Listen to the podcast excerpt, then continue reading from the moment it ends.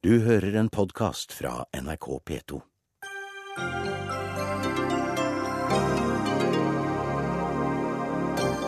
Krekar leder et terrornettverk som planla å angripe Norge, ifølge italiensk påtalemyndighet.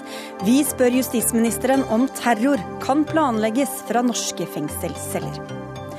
Tungpsykiatrien får lide under satsinga på lavterskeltilbud, advarer skribent.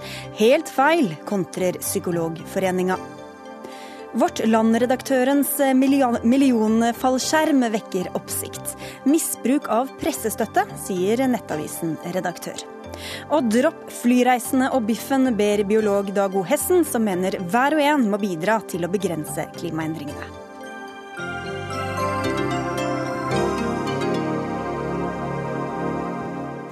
Dette utdyper han i en ny bok om karbon, som vi snart skal dukke ned i her i Dagsnytt 18 på NRK P2 og NRK2, hvor vi også skal snakke med parlamentariske ledere som har sittet i asylforhandlinger i ettermiddag. Jeg heter Sigrid Solund. PST sier altså at de ikke har kjent til noen konkret trussel mot eh, norske politikere. Italiensk påtalemyndighet utpekte i dag Nashmudin Nashmuddin Farash Ahmad, også kjent som mulla Krekar, til leder av et europeisk terrornettverk. Nettverket skal ha planlagt å angripe Norge, bl.a. gjennom et mulig attentat mot norske stortingsrepresentanter. Justisminister Anders Anundsen, velkommen. Takk for det. PST sier altså at de ikke kjenner til noen konkrete trusler mot Norge. Tar italienske myndigheter feil? Jeg tror nok ikke en kan trekke noen konklusjoner basert på det en har lest i media i dag. Vi har jo heller ikke innsyn i det som er italienernes etterforskning. Dette er italiensk etterforskning. Eh, norske myndigheter har bidratt eh, på normal måte med et eh, samarbeidsland. Men har ikke innsikt i hva slags etterforskningsmateriale som italienerne sitter på. Så det spørsmålet må du egentlig rette til italienerne. Men jeg konstaterer at PST ikke kjenner seg igjen i det bildet som enkelte medier tegna etter denne pressekonferansen i dag. Men kan det da være at de har kunnskap til ting som ikke PST kjenner til? Nei, Det ville være veldig rart. og Jeg syns også PST svarte ganske tydelig på det. At hvis det hadde vært den typen uh, planer som var avdekket der, som var av konkret og substansiell art, så ville selvfølgelig norsk PST vært informert uh, om det.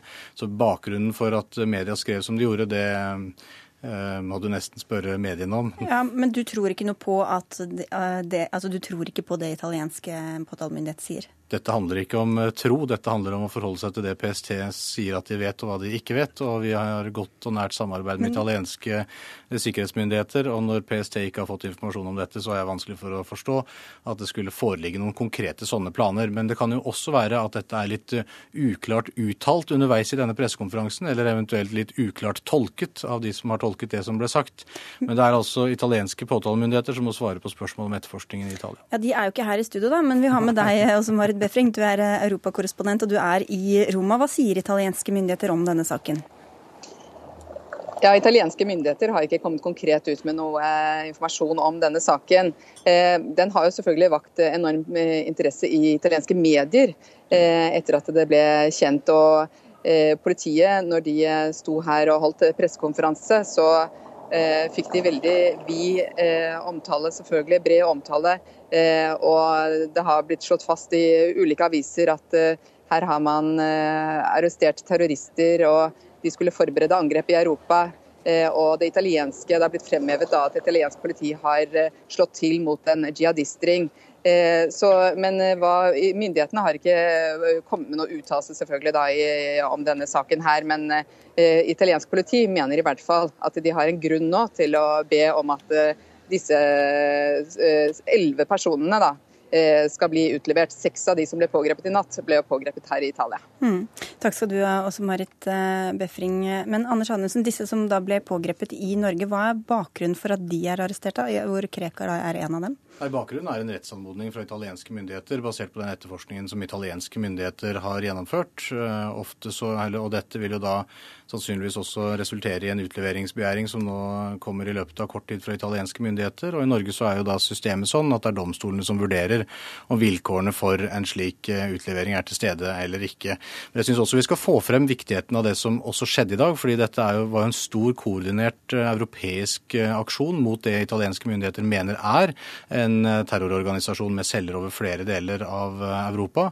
Og det at en får gjennomført den typen felles aksjoner, tror jeg også er viktig å understreke som et godt virkemiddel i kampen mot terror. Men, men, eh, du sier at det handler ikke om å tro eller ikke. Men jeg bare lurer på det som da er kommet fram til, altså bakgrunnen for å arrestere han vi da kaller Krekar. Er, er, det informasjon som dere da setter deres lit til, ettersom dere også da har gått med på denne anmodningen? Altså, Vi er jo medlem av eh, et europeisk felles system for håndtering av denne typen rettsanmodninger. og Da er det det landet som sitter på etterforskningen, som er ansvarlig for etterforskningen, mens de får bistand fra andre land for f.eks. å drive, eh, drive, det vi har sett i dag, pågripelse og, og ransaking. For dere har ikke da vurdert bakgrunnen sånn selvstendig? Dette er en del av det avtaleverket som ligger til grunn for det samarbeidet som vi har på europeisk eh, nivå. Så dette er en etterforskning som italienske myndigheter har eh, gjennomført. Det er de som, er, eh, som står for dette. Og så er det da samarbeid mellom italienske myndigheter og andre land for å få gjort det som er nødvendige skritt i etterforskningen i de landene hvor de objektene befinner seg. Det er ikke noe hemmelighet at dere ønsker å få denne mannen ut av landet? Nei, det er ingen hemmelighet. Og vi har jo jobbet mye med det i mange forskjellige spor, både i dialog med Irak og andre lands myndigheter. Men hva skal til for at han da blir utlevert til Italia, slik de ber om? Ja, for Dette er et litt annet spor. Dette er et straffesaksspor. Eh, og Hvis vilkårene for utlevering er til stede, og domstolen konkluderer med det, så vil jo vi som myndigheter legge til rette for at en eh, utlevering til Italia kan skje så raskt som overhodet mulig. Altså, Hvis det nå er, stemmer det det italienske mm, politiet sier, at han er lederen av et europeisk terrornettverk, er det mulig at Krekar kan ha sittet på cella si i et norsk fengsel og planlagt dette? Det som i hvert fall er helt klart, er at jeg ikke har innsikt i det materialet som italienske etterforskningsmyndigheter sitter på. Så det spørsmålet må egentlig rettes mot eh, myndighetene i Italia. Det er vanskelig for ja. justisministeren i Norge å vurdere hva slags materiale som eh, myndighetene i Italia sitter på i den typen eh, spørsmål. Men ettersom du er nokså opptatt av denne mannen, så vil jeg tro at du har litt kjennskap til de forholdene han sitter fengslet under. Altså Har han tilgang til internett? Snakker han med andre fanger? Det er kriminalomsorgen som har ansvaret for eh, soningen eh, til de enkelte innsatte. Det er jo ikke vanlig å verken tilgang til telefon eller internett på cella, men jeg kan ikke kommentere soningsforholdene til konkrete innsatte i norske fengsler. Eh, det må nesten kriminalomsorgen ta ansvar for. Vet du hva, vi har en annen her som kan snakke litt om det, ja, det men han vil ikke du snakke så mye med. Takk skal du ha, Anders Anundsen, for at du kom i denne omgang. Brynjar Meling, en annen uh, gammel kjenning i denne saken. Du er altså Krekars advokat og har vært det i en uh, årrekke. Først, Hvilken lit fester du til disse opplysningene fra Italia? Ingen. Ingen. Hvorfor ikke?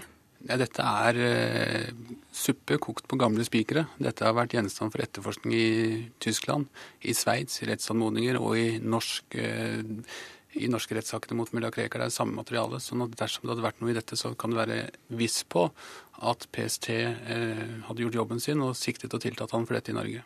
Fordi Anders Anundsen ville jo ikke si noe om, om, vi kunne stole på eller altså, Han sa han ikke visste hva det gikk ut på, men det vet altså du? Hva de har bygget på. Nei, altså jeg har sett rettsanmodningen eh, om eh, da eh, ransaking og beslag hos mulla Krekar. Og det er eh, generelle henvisninger til ting som jeg kjenner igjen materiale fra tidligere etterforskning. Det som jeg syns er viktig å, å, bemerke, er jo at hvis eh, Siv Jensen virkelig mener at dette er en gledens dag, eh, så vil jeg jo være veldig overrasket over det. fordi at dersom det er en gledens dag, så er det jo en tegn på at PST ikke har gjort jobben sin i Norge. Og det er jo litt ille at det er italiensk etterretning som skal avsløre en eventuell terrorplan i Norge. Men til det vi avsluttet med Anders Anundsen om, altså hvilke forhold sitter han fengslet under? Det er et veldig godt spørsmål. Eh, han har eh, hatt et veldig strengt regime til å være i en alminnelig soning. Altså Av de siste tre år og syv månedene så har han vært på Kongsvinger fengsel i tre år og seks måneder av de. Eh, han har i, hatt streng kontroll. Han har hatt veldig begrenset mulighet til å ha noen som helst kontakt med noe.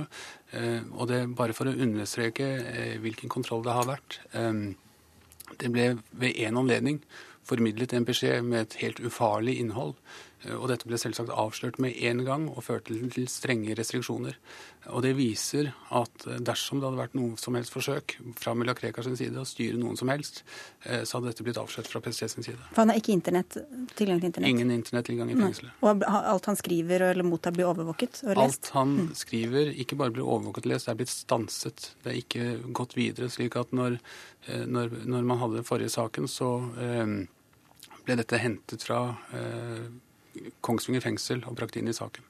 Atle Mese, du er eh, terroranalytiker. Eh, uten å gå, altså Du har vel heller ikke helt kjennskap til alt hva italienske politiet vet eller ikke vet. Men kan en så overvåket person som mulla Krekar i dette tilfellet teoretisk sitte på en norsk fengselscelle og planlegge terrorangrep? Det tror jeg. Hvordan da? Jeg tror at det vil alltid være muligheter. Det er alltid smutthull til å kunne få ut en beskjed fra et fengsel. Eh, et fengsel er et, et system eh, med eh, Selv om det er en høy grad av overvåking, at man passer godt på fangene, særlig en fange som han, så, så har man mulighet til å kommunisere med andre som igjen kan slippe ut. og, og man, man, klarer ikke å følge med alle så godt hele tiden at ikke de kan få ut noe beskjed. Mm. Men så er spørsmålet om hvis, skulle, hvis han skulle gjort dette systematisk over lang tid, så høres det litt uh, lite ja, jeg er skeptisk til det, for å si det sånn. Mm. Mm. Og det italienske etterforskere hevder nå, hvordan harmonerer det med hva norske myndigheter eh, hevder om, om Krekar som trussel? Altså, Det at han uh, nå skulle lede et terrornettverk, det står jo i, litt motstrid til hva, uh, hvordan PST har beskrevet han tidligere, hvordan norske myndigheter, også forskningen, uh, har beskrevet han. men det er jo sånn at den kurdiske bevegelsen har fått mer vind i seilene i det siste. Og akkurat hva som har skjedd i løpet av uh, det siste året, f.eks., det, det er vanskelig å vite. Det kan godt tenkes at uh, altså kurderne generelt har blitt styrket, og at det vil være lettere i dag å bygge opp et sånt nettverk igjen. Mm. Eh, Bruna Meling, i morgen skal Oslo tingrett ta stilling til denne utleverings... Eh, nei, det kan de ikke gjøre. De skal ta stilling til en, sannsynligvis en begjæring om varetektsfengsling. Ja. Og han er jo allerede varetektsfengslet i en annen sak, så det er jo interessant i seg sjøl. Men eh, ja, for han ble altså pågrepet i fengsel, som jo også er mm. en litt sånn artig sak. Han er heldig. Han, han, opplever en del ting med norsk rettsvesen som ikke andre gjør, så han har også opplevd det. Men, men like fullt så er det mange norske politikere som nå øyner en mulighet for å få sendt ja. ham til Italia. Hva er sjansene for det, tror du? Så å si ingen. Eh, dette er ikke noe skjellig grunn til mistanke, det materialet som er, er, fremlagt. Det er en rekke påstander, og påstander for at man skal ha mistankegrunnlag, så må de være underbygget med bevis. og Så langt har det ikke kommet noe bevistilbud. Ja, dette blir jo litt teoretisk med seg, men går det an å si noe om troverdigheten da, til det italienske etterretning kommer med? Altså, Italiensk etterretning er ikke kjent for å være det mest etterrettelige av etterretningsorganisasjonene. Ehm, så sånn sett så det er, vel, det er vel omtrent det jeg kan si, at eh, de er gode på å etterforske mafia og sånn. Ehm, men når det gjelder eh, terrorisme og eh, Dette vil jo da mest sannsynlig dreie seg om digital etterretning. Og overvåking av nettsteder og sånne ting, så er ikke Italia spesielt kjent for det. Det, det kan jeg si. Føljetongen fortsetter. Vi får takke dere i denne runden, i hvert fall Atle Mesøy og Brynjar Meling. Dagsnytt 18 alle hverdager klokka 18.00 på NRK P2 og NRK2. Og nå til et annet stadig tilbakevendende tema her i Dagsnytt 18. For klokka tolv i dag innførte Sverige grensekontroll for å få bedre kunne styre asyltilstrømmingen til landet. Blant annet betyr det strengere kontroll ved broa for tog og biler over Øresund, der flere enn 18 500 biler kjører mellom Danmark og Sverige hvert døgn. Reporter Øyvind Nyborg, du er i Hylle i Sverige. Det er første togstopp på svensk side. Hvilke konsekvenser har innføringen av denne kontrollen fått for tog- og biltrafikken der? Ja, Hvis du skal ta togene først, da, så saumfarer eh, politiet hver eneste togvogn som eh, kommer hit, og ber alle om pass eh, eller identifikasjonspapirer. Eh, ikke så langt unna på Øresundsbroen så stanser de kanskje hver tredje, fjerde bil. Og de sjekker også ferjetrafikken til eh, Trelleborg ganske nøye.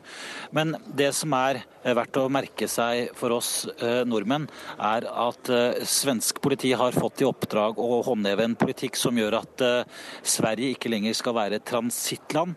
Og Det betyr at asylsøkere som kommer hit nå, de, og sier de vil til Norge, de blir sendt tilbake til Danmark. Hmm. Det har jo vært hardt press på Sverige lenge. Hvorfor innførte de dette akkurat nå? Det er eh, kaotiske tilstander eh, som har oppstått, og som Migrasjonsverket ikke lenger kan eh, håndtere. Det kommer simpelthen for mange. Så de klarer ikke å registrere, registrere alle, og de klarer heller ikke å gi alle tak over hodet. Takk skal du ha. Ja, jeg kom igjen. Dette, dette, som skjer nå, er selvfølgelig eh, et vendepunkt i, i svensk eh, asylpolitikk.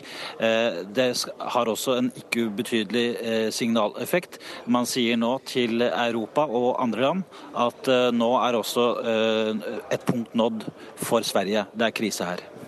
Takk skal du ha, Øyvind eh, Nyborg i Sverige. Og nettopp asylsituasjonen har vært tema også i Stortinget i dag.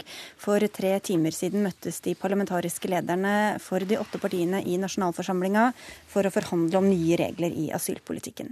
Statsminister Erna Solberg har tidligere tatt til orde for dugnad og sagt at det er ønskelig med et bredt forlik.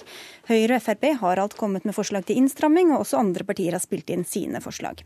Regjeringspartiene ville ikke komme hit i kveld av hensyn til de pågående forhandlingene, men velkommen til deg, Jonas Gahr Støre. Du er Arbeiderpartileder. For å se til Sverige først, er det aktuelt for Norge å komme med tilsvarende mm, grep? Vi har grensekontroll eh, på grensen mot Russland. Der er det utfordringer som vi nå holder på å diskutere og sette inn tiltak mot. Jeg har ikke forstått at Sverige har gjort tiltak i forhold til grensen mot Norge, men jeg forstår det Sverige har gjort i forhold til grensen mot kontinentet. Eh, det har de anledning til å gjøre. Det er et eh, veldig, skal vi si, et tiltak som sitter langt inne. Men som reporteren også sa, i Sverige er situasjonen slik at dette eh, er nødvendig å gjøre for å skaffe kontroll ved yttergrensene. Det må enhver nasjonal myndighet ha mulighet til. Men det kan kanskje også få påvirkning for oss, at, vi, at det kommer færre inn til Norge? Ja, det er mulig, men jeg går ut fra at våre utlendingsmyndigheter følger dette veldig nøye og treffer de tiltakene som er nødvendige ved, ved våre grenser. Mm. Uh, og det, det, vi ser her, er jo noe som jeg tror vi kommer til å se nå gjennom hele Europa. Flere den type tiltak. Det vi må håpe, er at vi ikke får en type utvikling hvor land vender seg mot land. Mm og at vi i større grad får muligheten til å se på dette som, eh, som en helhet, og at også Norge deltar i det. Venstreleder Trine Skei Grande, hvordan ser du på denne utviklinga bl.a. med dette tiltaket i Sverige?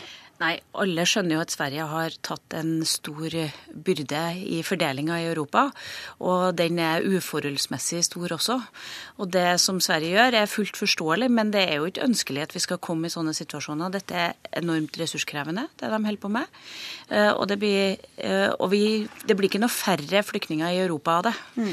Så det som er viktig, er jo at vi klarer å lage internasjonale avtaler, at vi klarer å holde sammen eh, det europeiske asylsystemet, så ikke det bryter sammen. For da kommer vi til å se mange utfordringer framover, både for, for, Europa som helhet, norsk næringsliv, norske borgere, alt, alt, som ligger i potten på det. Så vi må ha et samarbeid i Europa, og jeg håper at nå ikke land sånn som Støre sa, blir satt opp imot hverandre, som gjør at vi ikke klarer å holde. det. Og da er vi jo inne på noe av det dere har spilt inn i disse forhandlingene som vi må tilbake til. Hva har dere snakket om i dag, Jonas Gahr Støre? Hvor nærme er dere en løsning? Nei, dette mener jeg har vært et godt møte. og Endelig har vi kommet i gang med det vi har ønsket å gjøre i høst, og som det har vært snakket om lenge. Um, alle partier har lagt forslag på bordet som har handlet om både den situasjonen vi står oppe i nå ved grensene våre, det som kommunene står oppe i når de skal håndtere eh, bosetting og akuttmottak, og det som handler om integrering.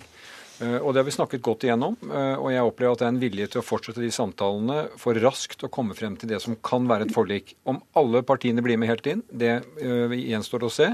Og innholdet gjenstår å se. Men det var en god tone der i forsøket å bidra til å få til en enighet som må være slik at de sender veldig tydelige signaler. Fordi at Noe av det viktigste jeg tror i alle fall, for å lykkes med integreringspolitikk og de som har rett til å bo i Norge og gjør det godt, er at folk i Norge skjønner at vi har kontroll ved grensene våre. Så Det er eh, noe vi må ta tak i eh, som et haste, en hastesak. Men Det er jo hyggelig å høre at dere har hatt god tone, men hva til innholdet i hva dere har snakket om, eh, Trine Skei Grande? Det er jo ganske stort sprik mellom hva de forskjellige partiene spiller inn. Hvordan ligger dere an? Hva tror du er sannsynligheten for at dere klarer å finne felles grunn? Nei, jeg tror at det er jo kjempebra at vi sitter rundt det bordet. Og jeg tror det, det som folk ønsker nå, det er at vi skal slutte opp med symbolkrangelen. Vi skal vise til håndfaste, konkrete ting som vi kan gjøre for å løse utfordringer akkurat vi er i dag. At vi må finne ut hvordan vi skal takle grensene våre. Vi må finne ut hvordan vi skal få raskere saksbehandling og få folk gjennom fortere, og hvordan vi skal integrere dem. Alt det er dere enige men så er det noen ting dere ikke ja, er så enige i. Og da er det en del ting vi er uenige om sikkert òg, men, men jeg synes det, jeg er enig enig med Støre at det var et konstruktivt møte i dag. Jeg tror at hvis man vil, hvis man virkelig vil, så kan vi klare dette her. Men da må det være ganske mye vilje, og den må også alle rundt det bordet dele for at vi skal klare å komme i mål. Og så sitter det en joker i midten her, Trygve Slagsvold Vedum, du er leder i Senterpartiet. Du var ikke på møte, for det er jo Marit Arnstad som er parlamentarisk leder for dere, men du har vel litt innsyn i hva som ble sagt. Dere sørget altså for å gi eh, Frp og Høyre flertall mot Venstres forslag om å la asylsøkere få arbeide fort. Er du villig til å gjøre det samme på dette punktet, altså innstrammingspunktet, og være med som eneste støtte til Høyre og Frp for deres liste på 15 punkter over innstramming? Grunnen til at vi trakk i nødbremsen da, var at eh, vi syntes det var for forhasta. Det var for lite gjennomtenkt. Alle er for aktivitet, men eh, vi må tenke på det norske arbeidsmarkedet, og vi må tenke på hvilken andre innvandringseffekter det kan ha. Så det må mm. være gjennomtenkt før man gjør ting. Mm. Også Det som er veldig viktig, og som jeg også opplever at både Trine Skei Grande og Jonas Gahr Støre sa nå, vi må ikke være opptatt av avsenderen, vi må være opptatt av innholdet i forslagene. Og vi i Senterpartiet vi ser et behov for, for innstramminger. Og så mener jeg at den aller beste måten vi kan gjøre det på i den situasjonen vi står i, er gjennom et bredt forlik. Men det kan ikke være sånn at hvis vi er enig i forslaget, men vi syns avsenderen er en dårlig avsender, så skal vi være mot forslaget. For det er, det er den type partitaktikk vi nå må legge bort. Se på forslagene, vurdere de saklig og skikkelig. Og så tror jeg alle partier så å si, ser at nå trenger vi innstramminger, men det må gjøres på en anstendig og skikkelig måte. Ok, For å spørre litt annerledes, da. Hvilke av disse listene og forslagene er det dere er mest enige av de som har kommet fra de andre partiene? Nei, Vi er enige i mye fra mange. og det som, hvis du begynner å se på dem, så er det egentlig veldig stor grad av enighet. Men så har det vært partimessig behov hos noen partier for å markere uenighet. Men hvis vi sånn, slår av valgkampretorikken, så tror jeg det, det, man ser, er at det er et alvor som preger Stortinget nå. Der folk ser at det er behov for et handlekraftig forlik som gir tydelige signaler om at, det, som gjør at de som da ikke har rett på beskyttelse, ikke kommer. For det taper de på, og det taper asylinstituttet på, og det taper samfunnet vårt på. Og så mener jeg og vi i Senterpartiet at det er lurt at vi nå i første omgang da går en veldig tydelig runde på det med asylpolitikken, men vi mener også det vil være en stor fordel hvis vi klarer å få til eh, enighet rundt integreringspolitikken. Og så bør forliket stå seg over tid, sånn at uavhengig av regjering så har vi noen spilleregler, eh, noen enighetspunkter som står seg over år.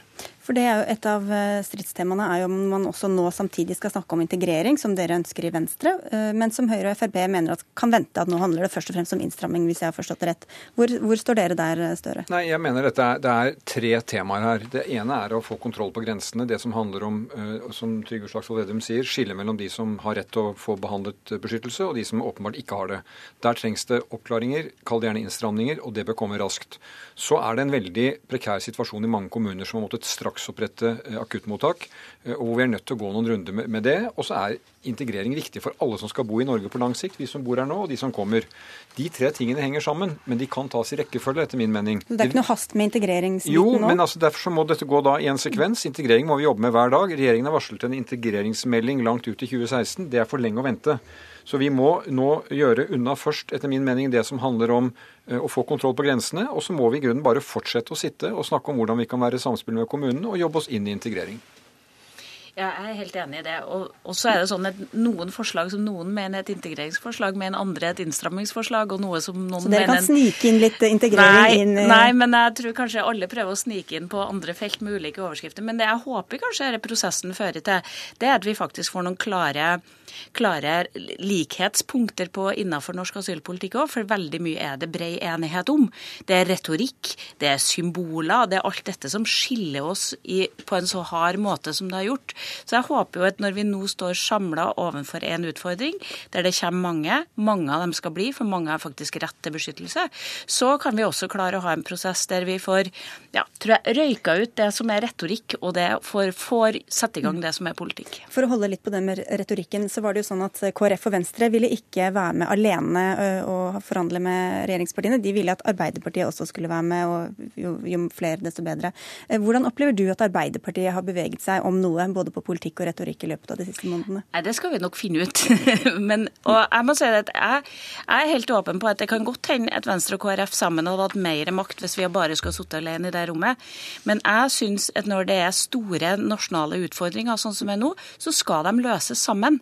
De skal løses bredt. Vi skal ikke prøve å gjøre det til et ideologisk slagmark. Og jeg tror at det er nettopp det som, som Norge nå etterlyser. Det er noen politikere med noen klare svar, ikke dem som slår retorikk i hodet på kartellet. Du skal få snakke, Slagsvold, men jeg må bare høre med deg, Støre. for det, Dere snakket jo veldig varmt om disse 10 000 flyktningene både på landsmøtet og eh, i forhandlingene om dette på Stortinget, uten å snakke om innstramming. Men nå er det innstramming dere snakker mest om. Jo, men dette er to helt forskjellige ting. Det vi snakket om i vår og ble enige om uh, bredt flertall på Stortinget, det var å ta imot 2000 i år, 3000 til neste år, 3000 i 2017 av kvoteflyktninger.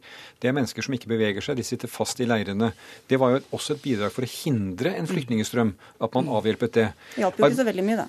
Nei, men det, det, vi står overfor nå, er noe som regjeringen selv i august-september sa den overhodet ikke hadde forutsatt. Men vi har en internasjonal flyktningstrøm som bl.a. kommer til oss. Arbeiderpartiet har alltid vært for en streng, rettferdig og human flyktning- og asylpolitikk. Og vi tilpasser virkemidlene ut fra den situasjonen vi er i. I 2009-10 så kom det økt folk med grunnløse søknader fra Balkan. Vi strammet inn. De søknadene det gikk ned. Det som vi står overfor nå, Sverige, vi, alle andre, er mye mer formidabelt. Jeg var på grensen til Russland for to dager siden. Det som skjer der, kan ikke fortsette. Da må vi tilpasse politikken, og det er helt slik Arbeiderpartiet har tenkt også tidligere. Og sånn som jeg hører på dere nå, så skulle man tro dere nesten var enige om alt mulig. Det er ikke mulig. mye som skiller her. Det var jo derfor også vi i Senterpartiet tok initiativ til et nasjonalt forlik på vårt landsstyremøte. Fordi vi måtte bort fra retorikken og skyttergravene. Og Spesielt i valgkampen så syns jeg det var noen partier som måtte prøve enormt mye på patos i de siste partilederdebattene. Og liksom at Hvis du ikke mente det og det, så var du et ondt menneske. Det er ikke det det handler om. Det handler om å ta kloke, gode valg som er bærekraftige over tid. Og at vi skal ha en asylpolitikk som er bærekraftig og innvandringspolitikk som er bærekraftig over tid. For Hvis vi ikke har det, så lykkes vi heller ikke med integreringa.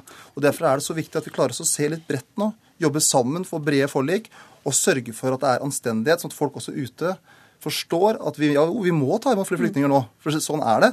Men skal vi lykkes, så må også folk forstå at vi har politikere som tør å styre, som tør ikke å lede, og si at vi også må si nei til en god del. Og vi må si nei til ganske mange. Og ut fra det dere sier nå, så skulle man tro dere er i mål ganske snart, i hvert fall. Jeg mener iallfall at uh, vi bør gi oss uh, kort tid til å komme til enighet, og det er mulig, hvis vi vil. Da får vi ønske velkommen uh, tilbake, da, og si tusen takk i denne omgang, Venstre-leder Trine Skei Grande, Arbeiderpartileder Jonas Gahr Støre og Senterpartileder Trygve Slagsvold Vedum. Og mens disse går ut døra, så skal vi ønske velkommen til dem som lytter ekstra nøye når de snakker snakker. Politisk redaktør i Vårt Land, Berit Aalborg. Hvordan er mulighetene for et bredt forlik nå etter det som har skjedd på Stortinget i dag? Jeg tror det er litt tidlig å si. For det de har gjort i dag, er å snakke mye om prosess. Og de har sagt hvor de står hen, de ulike posisjonene. Men så tror jeg jo at jeg tror eh, det er ganske sannsynlig at det blir en eller annen form for, eh, for enighet. Og, og, og, du ser Fremskrittspartiet, Høyre og også Senterpartiet Arbeiderpartiet har jo uh, signalisert at de er ganske enige. Og så blir det jo spennende å se da om KrF og Venstre vil være med og også SV og, eh, og, Venstre og SV har jo sagt at hvis ikke det skal snakkes om integrering, så vil ikke de være med. Og så har jo da Fremskrittspartiet også tidligere sagt at de er ikke villige til å sette seg ned og se på noe annet enn innstramninger. Men nå har de faktisk satt seg ned ved bordet. Så jeg tenker at det tyder på at de er villige til å gå inn i en eller annen form for dialog om flere mm. ting. Magnus Takvam, du er politisk kommentator her i NRK. Ut fra disse tre som satt her, så, jo, så virket det som var veldig få ting som skilte. Men hvordan ser du på mulighetene for et bredt forlik?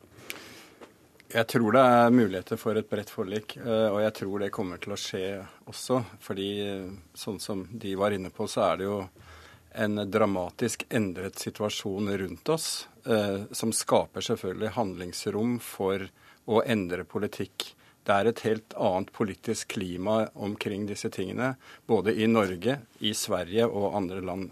Slik at uh, de partiene som tradisjonelt blir regnet til å tilhøre den liberale delen av eh, innvandringsfeltet, mm. også argumenterer for innstrammende tiltak. Men de vil som sagt balansere det med tiltak for å fremme integrering for de eh, asylsøkerne som faktisk får opphold, og som skal integreres i det norske samfunnet. Men hvor er det kampene står, da? Det var liksom vanskelig å finne dem her i stad.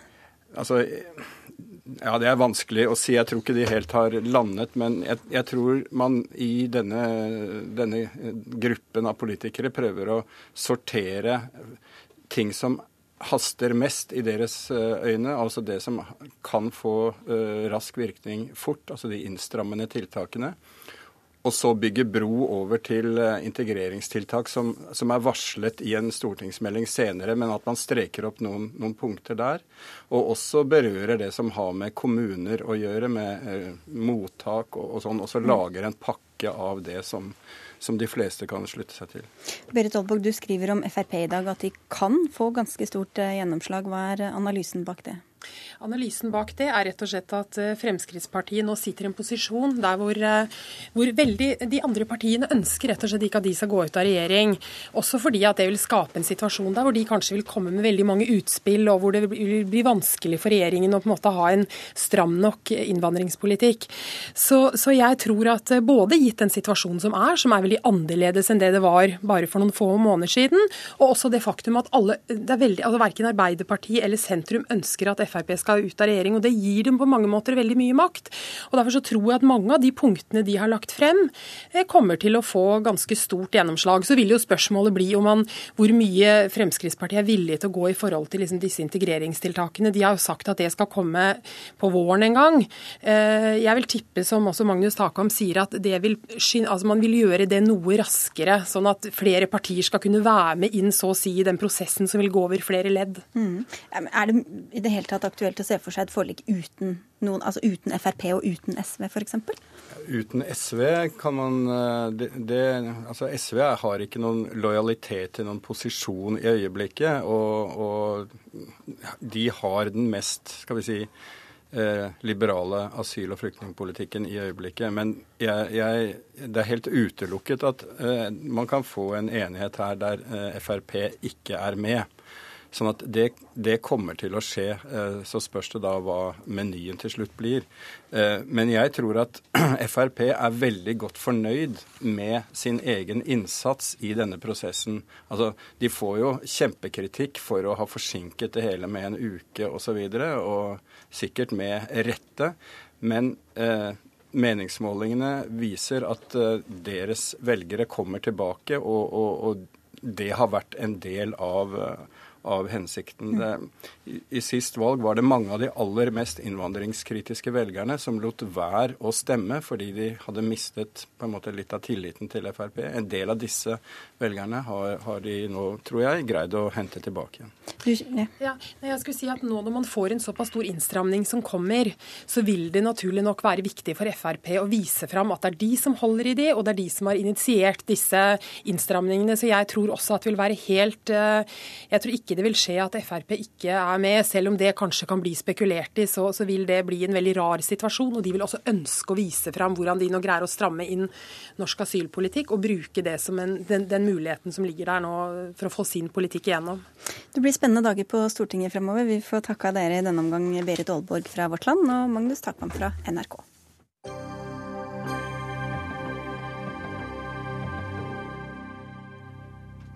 De fleste uautoriserte biografier inneholder skandaler og sensasjoner. Nå skal vi snakke om en bok som er lite personfokusert, men like fullt dramatisk. Eller hva, Dag O. Hessen?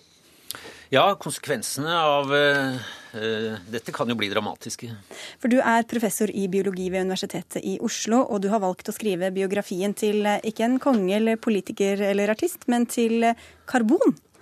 Og eh, du pirrer det litt til da ved å kalle det en førsteelsker blant atomene. Hvorfor har du valgt å skrive bok om karbon? Uh, ja, Her kan jo ikke det biograferte objektet protestere, da, så, sånn sett er jeg på trygg grunn. Men uh, nei, det er vel kanskje det viktigste elementet i vårt liv, bokstavelig talt. Altså i vår kropp, i våre omgivelser, og selvfølgelig nå seiler det opp også som det viktigste elementet i forbindelse med klimaet. Og, ja, førsteelsker, Noe av det denne førsteelskeren gjør, er å binde seg da, til to oksygenatomer, som vi vet, og lage da denne skjebnesvangre forbindelsen eh, CO2. Ja, livets og dødens gass, skriver du, og er helt essensielt for kretsløpet på jorda. Ja, det er jo livets gass, for det er grunnlaget for fotosyntesen, som igjen er grunnlaget for alt som vi spiser, og som igjen lager oksygen. Så CO2 er jo i utgangspunktet noe vi skal være veldig glad for. Det gir jo også en naturlig drivhuseffekt som eh, gjør det behagelig her på jorda. men er også et eksempel på at det kan bli for mye av det gode. Mm. Eh, og Før vi går videre, så skal vi litt tilbake i tid. For allerede for 120 år siden varslet en nobelprisvinner i Sverige at utslipp av karbondioksid altså kunne føre til klimaendringer. Men det var først da Sovjetunionen sendte Sputnik til himmels at forskninga tok av for alvor. Hvordan henger dette sammen? Ja, det er jo en lang historie, men jeg skal prøve å gjøre den kort. Eh, men det er riktig, når, når romkappløpet da startet, så fikk NASA ekstraordinære bevilgninger, og en sideeffekt av det var at det dryppet også litt på noen som ville måle atmosfæregasser, f.eks. CO2. Så det gjorde at Keeling da på slutten av 50-tallet fikk satt i gang eh, denne måleserien på Muanaloa, Loa, den høyeste toppen på Hawaii som siden da har blitt grunnlaget for den ikoniske sagtakkede CO2-økningen i atmosfæren. Ja, og hva fant han ut at, eh, eller, eh, at CO2 økte og at temperaturen gjorde det samme? Ja, i hvert fall til å begynne med at CO2 økte. og Han trodde jo dette måtte være en feil i måleinstrumentet, men eh, han klarte å overtale myndighetene som ville stenge da denne målingen etter et par år og mente det fikk være grenser for å bruke midler på en triviell gass. Han viste jo at her var det faktisk ikke instrumenter, men at det var en reell økning. Eh, og allerede etter tre-fire år så samlet han en gruppe forskere som advarte mot at dette potensielt da kunne gi en oppvarming. Men som du selv skriver også, CO2 er jo livgivende, som du sa her i stad. Hvordan vet du at ikke mer av det da er helt ufarlig, og kanskje til og med positivt for livet på jorda? Ja, i en viss forstand er det jo positivt, for det øker jo planteveksten eh, opp til et visst nivå. Eh, og som sagt, en viss mengde CO2 er utmerket, for det gir altså en naturlig drivhuseffekt som gjør det levelig her på planeten. Eh, men mer av dette vil gi økt oppvarming. altså Drivhuseffekten kort fortalt er jo at Eh, stråling fra sola treffer jordoverflaten. En del av dette reflekteres tilbake, og der ligger noen av disse drivhusgassene, bl.a. CO2, og bremser den oppvarminga. Derav navnet drivhus. Og når det blir for mye av dette, så blir det også for varmt. For det har jo skjedd før at det har vært eh, stor oppvarming, eh, også uten menneskenes hjelp.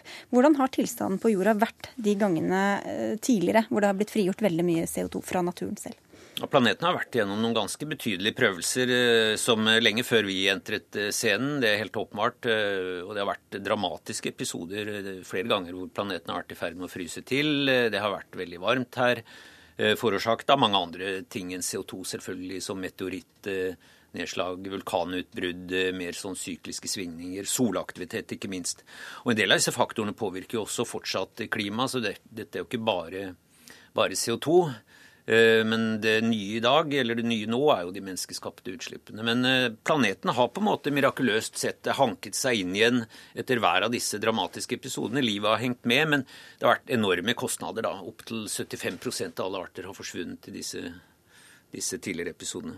Men som du selv sier, når naturen, naturen, slipper ut så mye, og vi står bare for en brøkdel av det, hvorfor spiller det noen rolle da, hva vi slipper ut? Ja, det er et eh, klassisk argument mot eh, oss som tror på en fare ved menneskeskapte uh, utslipp, at de utgjør så lite. Naturen selv er jo den store synderen, ikke sant. Det står kanskje for 95 av, av utslippene. Men økosystemene tar også opp like mye CO2, og ikke bare det, de tar opp litt mer. Og det gjør altså at Keelings kurve ikke er enda brattere, og at Eh, det er enda varmere. For det som gir denne stigningen, det er våre utslipp som da kommer på toppen av, av naturens egne. Og, og, den store risikoen her, selvfølgelig knyttet til karbonkretsløpet, som er det jeg forsøker å gi et dypdykk inn i, Eh, det er jo at dette setter i gang en serie sånne det som kalles positive tilbakekoblinger, men med negative effekter her. Ved at, altså kan få en eskalerende effekt? Ja, nettopp. Opptining av permafrost eh, som slipper fri ikke bare CO2, men metan, surere hav som tar opp mindre CO2, mindre is og snø som reflekterer mindre varme i det hele tatt. Og som du sier, så har jo jorda alltid ordna opp sjøl og skaffet en slags balanse, selv om arter da har gått eh, dukken på veien. Hvordan kan vi vite at ikke det samme kommer til å skje nå, da?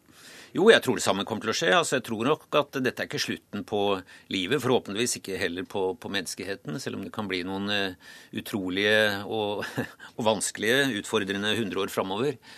Uh, men det tar lang, lang tid. Og uh, etter alt å dømme vil vi komme ut i andre enden med en vesentlig fattigere planet, sånn artsmessig.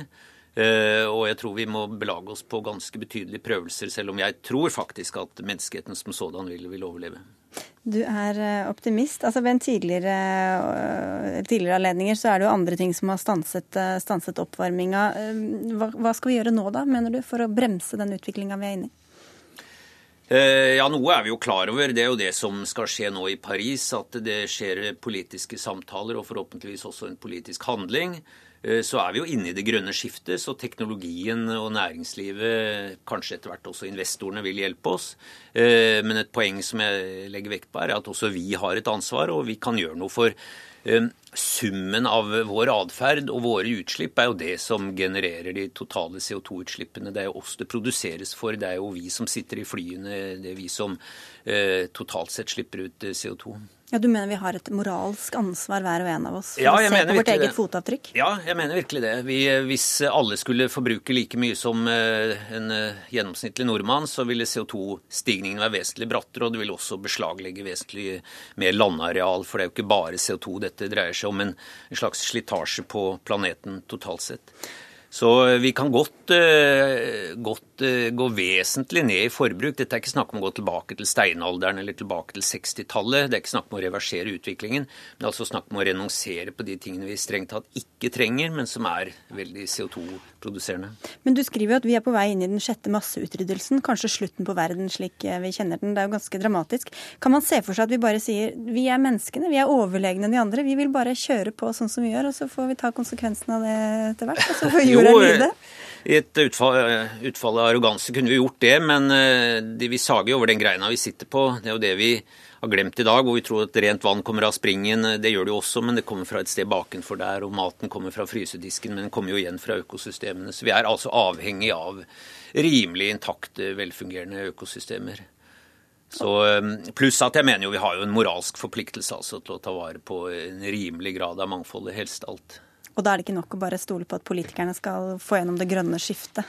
Nei, dette er jo et samvirke mellom tre mekanismer. Det er politikk, selvfølgelig, som må sette rammer og virkemidler og gjøre det dyrere å forurense osv. Eh, så er det næringslivet som skal produsere grønne produkter. Men så er det oss som både skal stemme fram de grønne politikerne, eller i hvert fall de, de vi oppfatter som grønnest, de grønneste produktene og ta et blikk på vårt eget CO2-fotavtrykk. Og enten vi vil eller ikke, så ender vi opp i det samme karbonkretsløpet til slutt? Det gjør vi. Dette er et globalt, eh, så det nytter ikke å ta den eh, skitt i Norge, leve Toten eller skitt i verden, leve Norge-holdningen. Men du skriver at du finner en slags trøst i det, at du skal sveve rundt i partiklene eh, til slutt? i det? Ja, vi er jo alle en del av evigheten ved at vi har lånt karbonmolekylene fra det store kretsløpet, og en gang skal vi levere tilbake, men sånn sett har vi en liten aksje i, en liten aksje i evigheten. Vi er alle karbon. Takk skal du ha, i hvert fall Dag O. Hessen, for at du kom til Dagsnytt 18.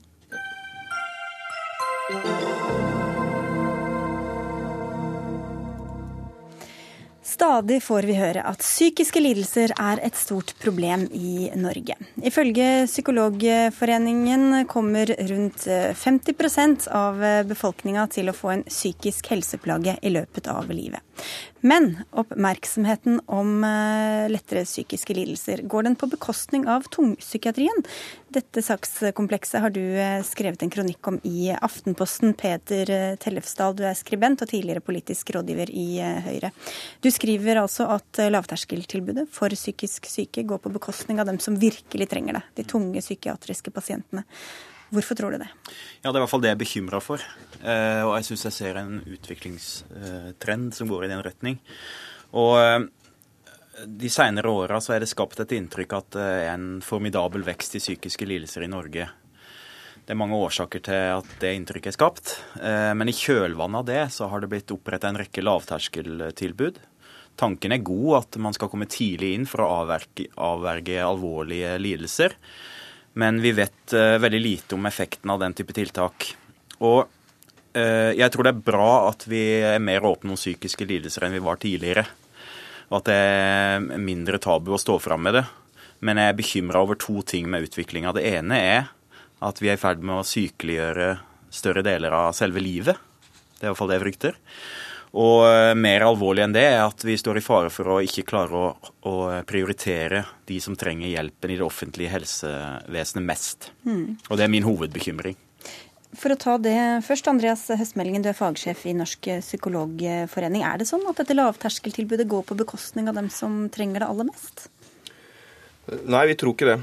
Ehm, Først så syns jeg det er viktig å, å, påpeke at dette som um, denne bekymringen um, Tellefsdal har om, om diagnoseepidemien, da, eller galoppen som det også har blitt kalt.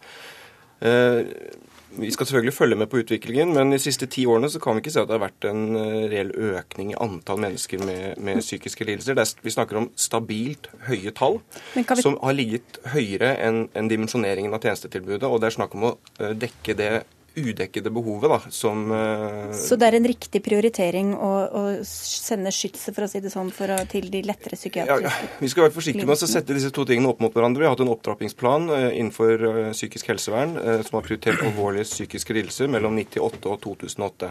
Fått, fått tjenestetilbudet opp på et akseptabelt nivå. Så ser vi det er helt riktig, så ser vi at, at det er en tendens til at det begynner å bli nedprioritert. Der har regjeringen lovet at den, det ikke skal skje. De har den såkalte såkalte gylne regel, som innebærer at veksten i psykisk helsevern på det som mange kaller psykiatri, men som heter psykisk helsevern, skal være høyere enn i somatikken. I tillegg så er det da viktig at vi ivaretar det udekkede behovet, og det må vi gjøre med forebygging. Ja, altså Det som jeg forsøker å, problematisere her, er at uh, det er på en måte Politikere beslutningstagere har kjøpt en virkelighetsbeskrivelse om at psykiske lidelser har vokst formidabelt i Norge.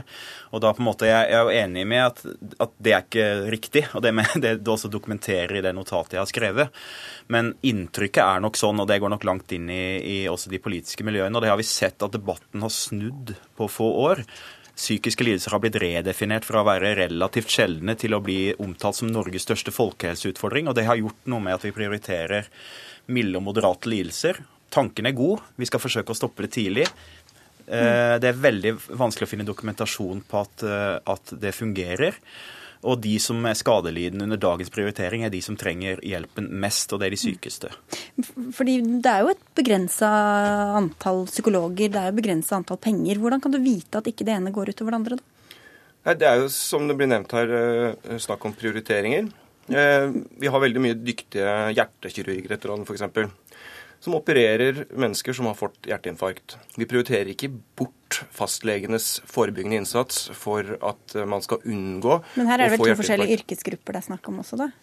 Altså mm. Kirurgen og lege og fastlegene gjør vel ikke nødvendigvis det samme? Det. Altså det, må, det å forebygge og det å ha et system på plass som gjør det mulig å ivareta de alvorlige tilstandene når det er gått så langt.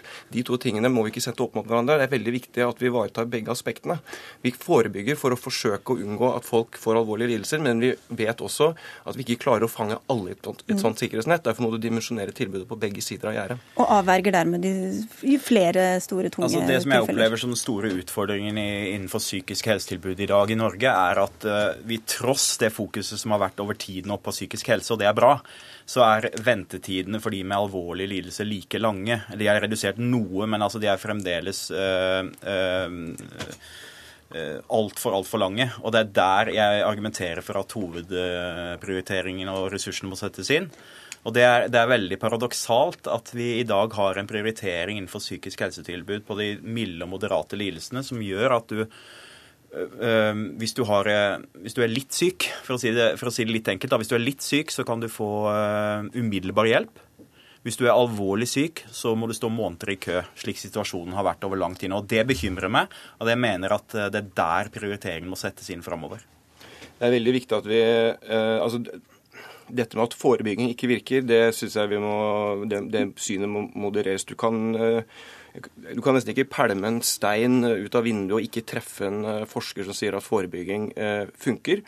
Eh, vi ser også... I hvert fall ikke her. For å si Nei, der sitter vi kanskje litt skjerma til. Men, men, vi ser også i, i, praksis at kommuner som stabler på beina et solid lavterskeltilbud, de får til dette. Bare et eksempel.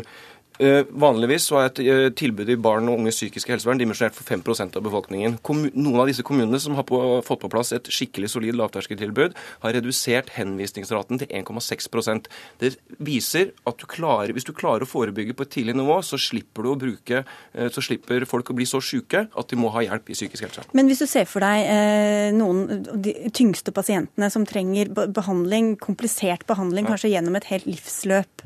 Det, det er jo kanskje ikke så mange det gjelder. Og det er, og de, og, mens, mens, disse andre lettere psykiske lidelsene er, gjelder jo veldig mange. Er det litt sånn mer populært, for å si det sånn, å liksom prioritere de som det er lett å få gehør hos, hos de, lett, altså de som har lett depresjon, litt angst osv.? Ja, altså jeg, jeg skal, altså, det er veldig viktig for meg å poengtere at jeg latterliggjør ikke lidelser og, og, plager som folk har. Altså, det er, det, altså Av og til er livet kjempetøft. Det som jeg problematiserer, er at det nødvendigvis alltid er, når du har moderate lidelser, at det nødvendigvis alltid er best å snakke med en ekspert.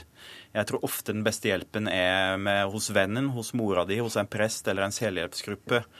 Og der skjønner jeg at altså, Vi har jo ulike interesser mm. å kjempe for der, men det, det, mener jeg også er dokumentert godt i det notatet som jeg har skrevet. Men, men til det som jeg spurte om også, altså både for politikere og psykologer, kan det liksom være mer tiltalende for å si det sånn, å ta tak i de lettere psykiske lidelsene enn i de virkelig tunge tilfellene? Nei, det, det, jeg forstår ikke at det skal være et uh, argument at det er mer populært uh, å, å, hjelpe de med lettere psykiske lidelser. De med de tyngste psykiske lidelsene har, uh, har, det fryktelig vanskelig, og de skal vi selvfølgelig prioritere hjelpen. Men vi er nødt til å forstå også at Men får de den hjelpen de trenger, da? Vi, har, vi er bekymra for at eh, vi nå ser en nedtrapping i psykisk helsevern for de med alvorlige psykiske lidelser. Derfor har vi vært veldig opptatt av at helseministeren Eh, sier at den gylne regel skal gjennomføres, og, det... og, at veksten i psykisk helsevern skal være høyere enn veksten i somatikk. Det, er viktig. Samtidig så må vi forstå at psykiske lidelser er av en sånn karakter at den, det som begynner som en lett psykisk lidelse, kan utvikle seg til å bli en alvorlig psykisk lidelse. og Det er vi nødt til å forsøke å, å hindre. Vi kan ikke sitte og vente til at funksjonsfallet blir så alvorlig at de må uh, sendes til psykisk helsevern, når vi kan hjelpe dem tidligere. Nei, men Det, det er jo akkurat dette jeg forsøker å problematisere. Vi sier at det er Eh, det er fremdeles kjempelange køer for de med alvorlig lidelse, mens vi bygger ut massivt på lavterskeltilbud. Og det har ikke påvirka køene for de alvorlig syke. Der er det Så flytte ressurser, mener du? Ja, fly, altså, det, det, jeg påstår, er at vi, vi, flytter ressurser fra de sykeste til de friskeste. Mm. Og det er alvorlig. Altså, hvor massiv eh, den utbyggingen av lavterskeltilbudet er, derom strides de lærde. Det er fortsatt, eh, Etter vårt skjønn så er vi fortsatt i startgropa på det å få på plass skikkelig gode lavterskeltilbud som kan eh, forebygge på en ordentlig måte. Så mer ressurser til alle, da, får bli konklusjonen her. Vi får si tusen takk for at dere kom til Dagsnytt 18 begge to.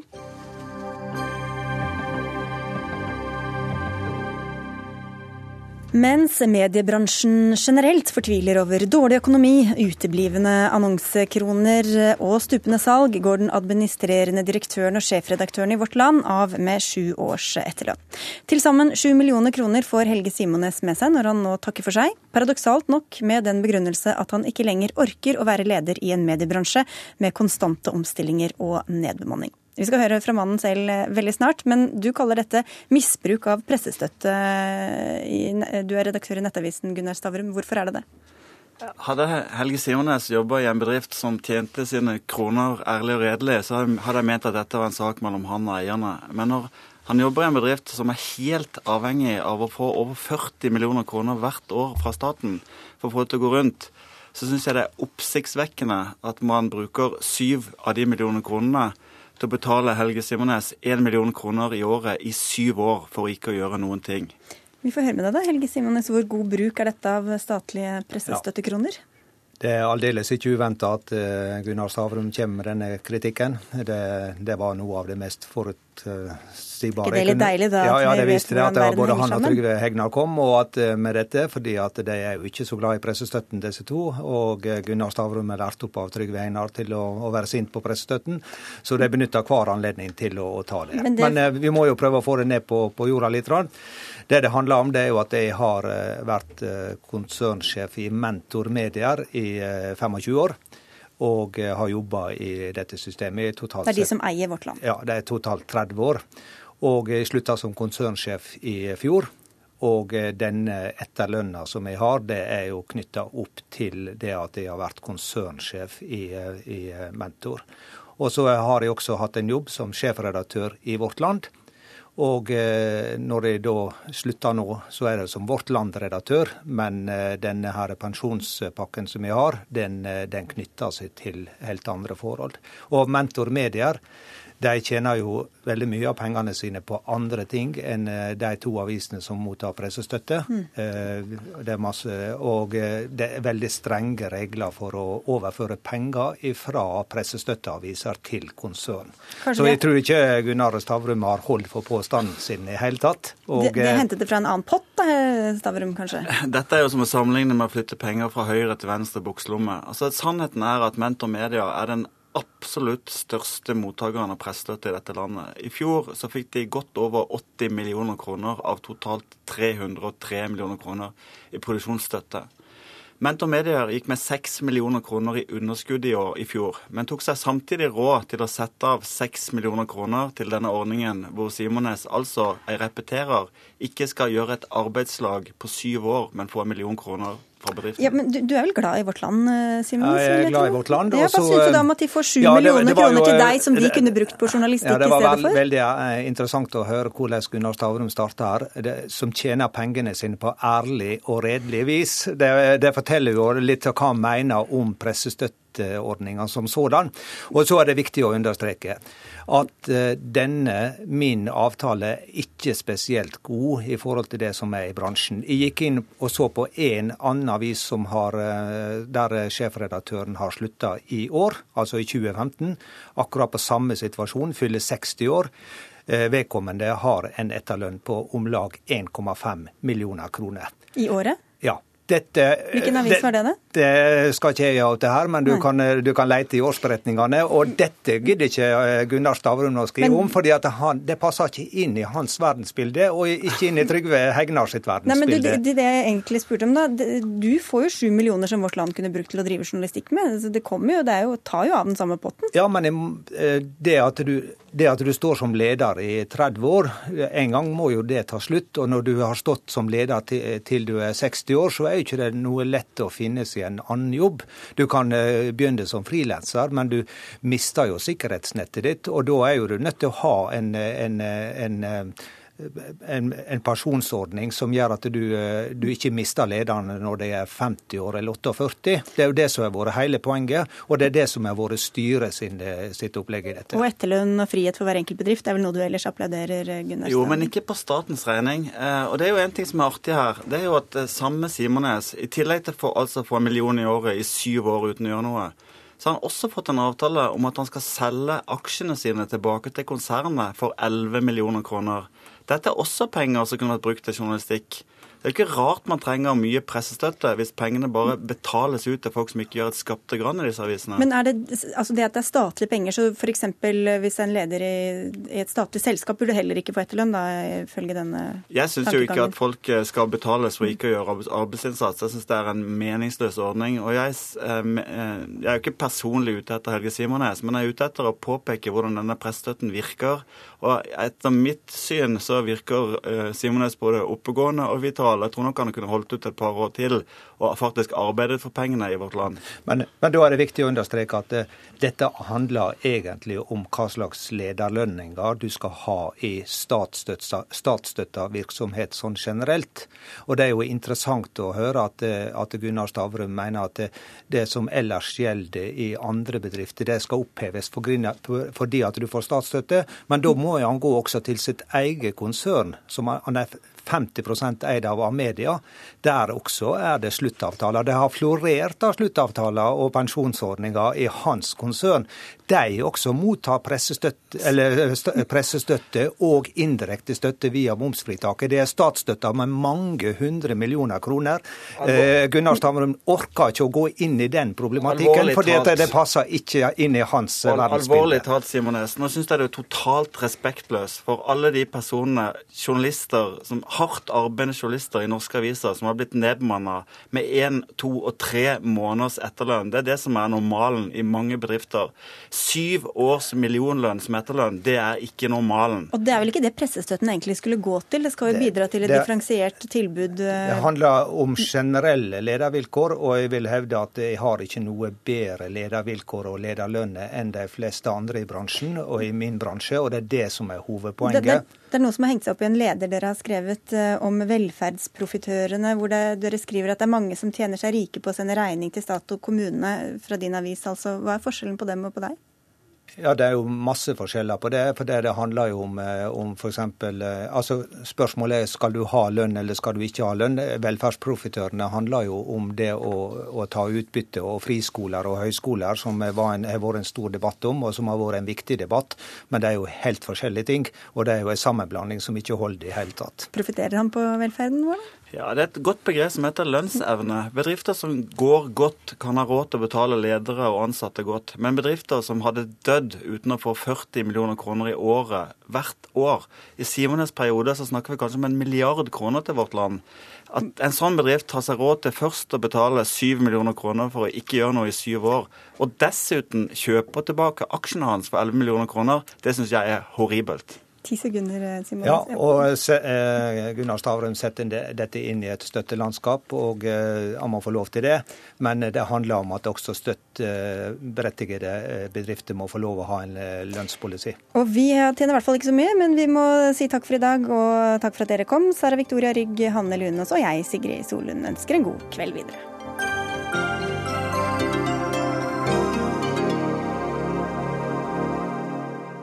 Du har hørt en podkast fra NRK P2.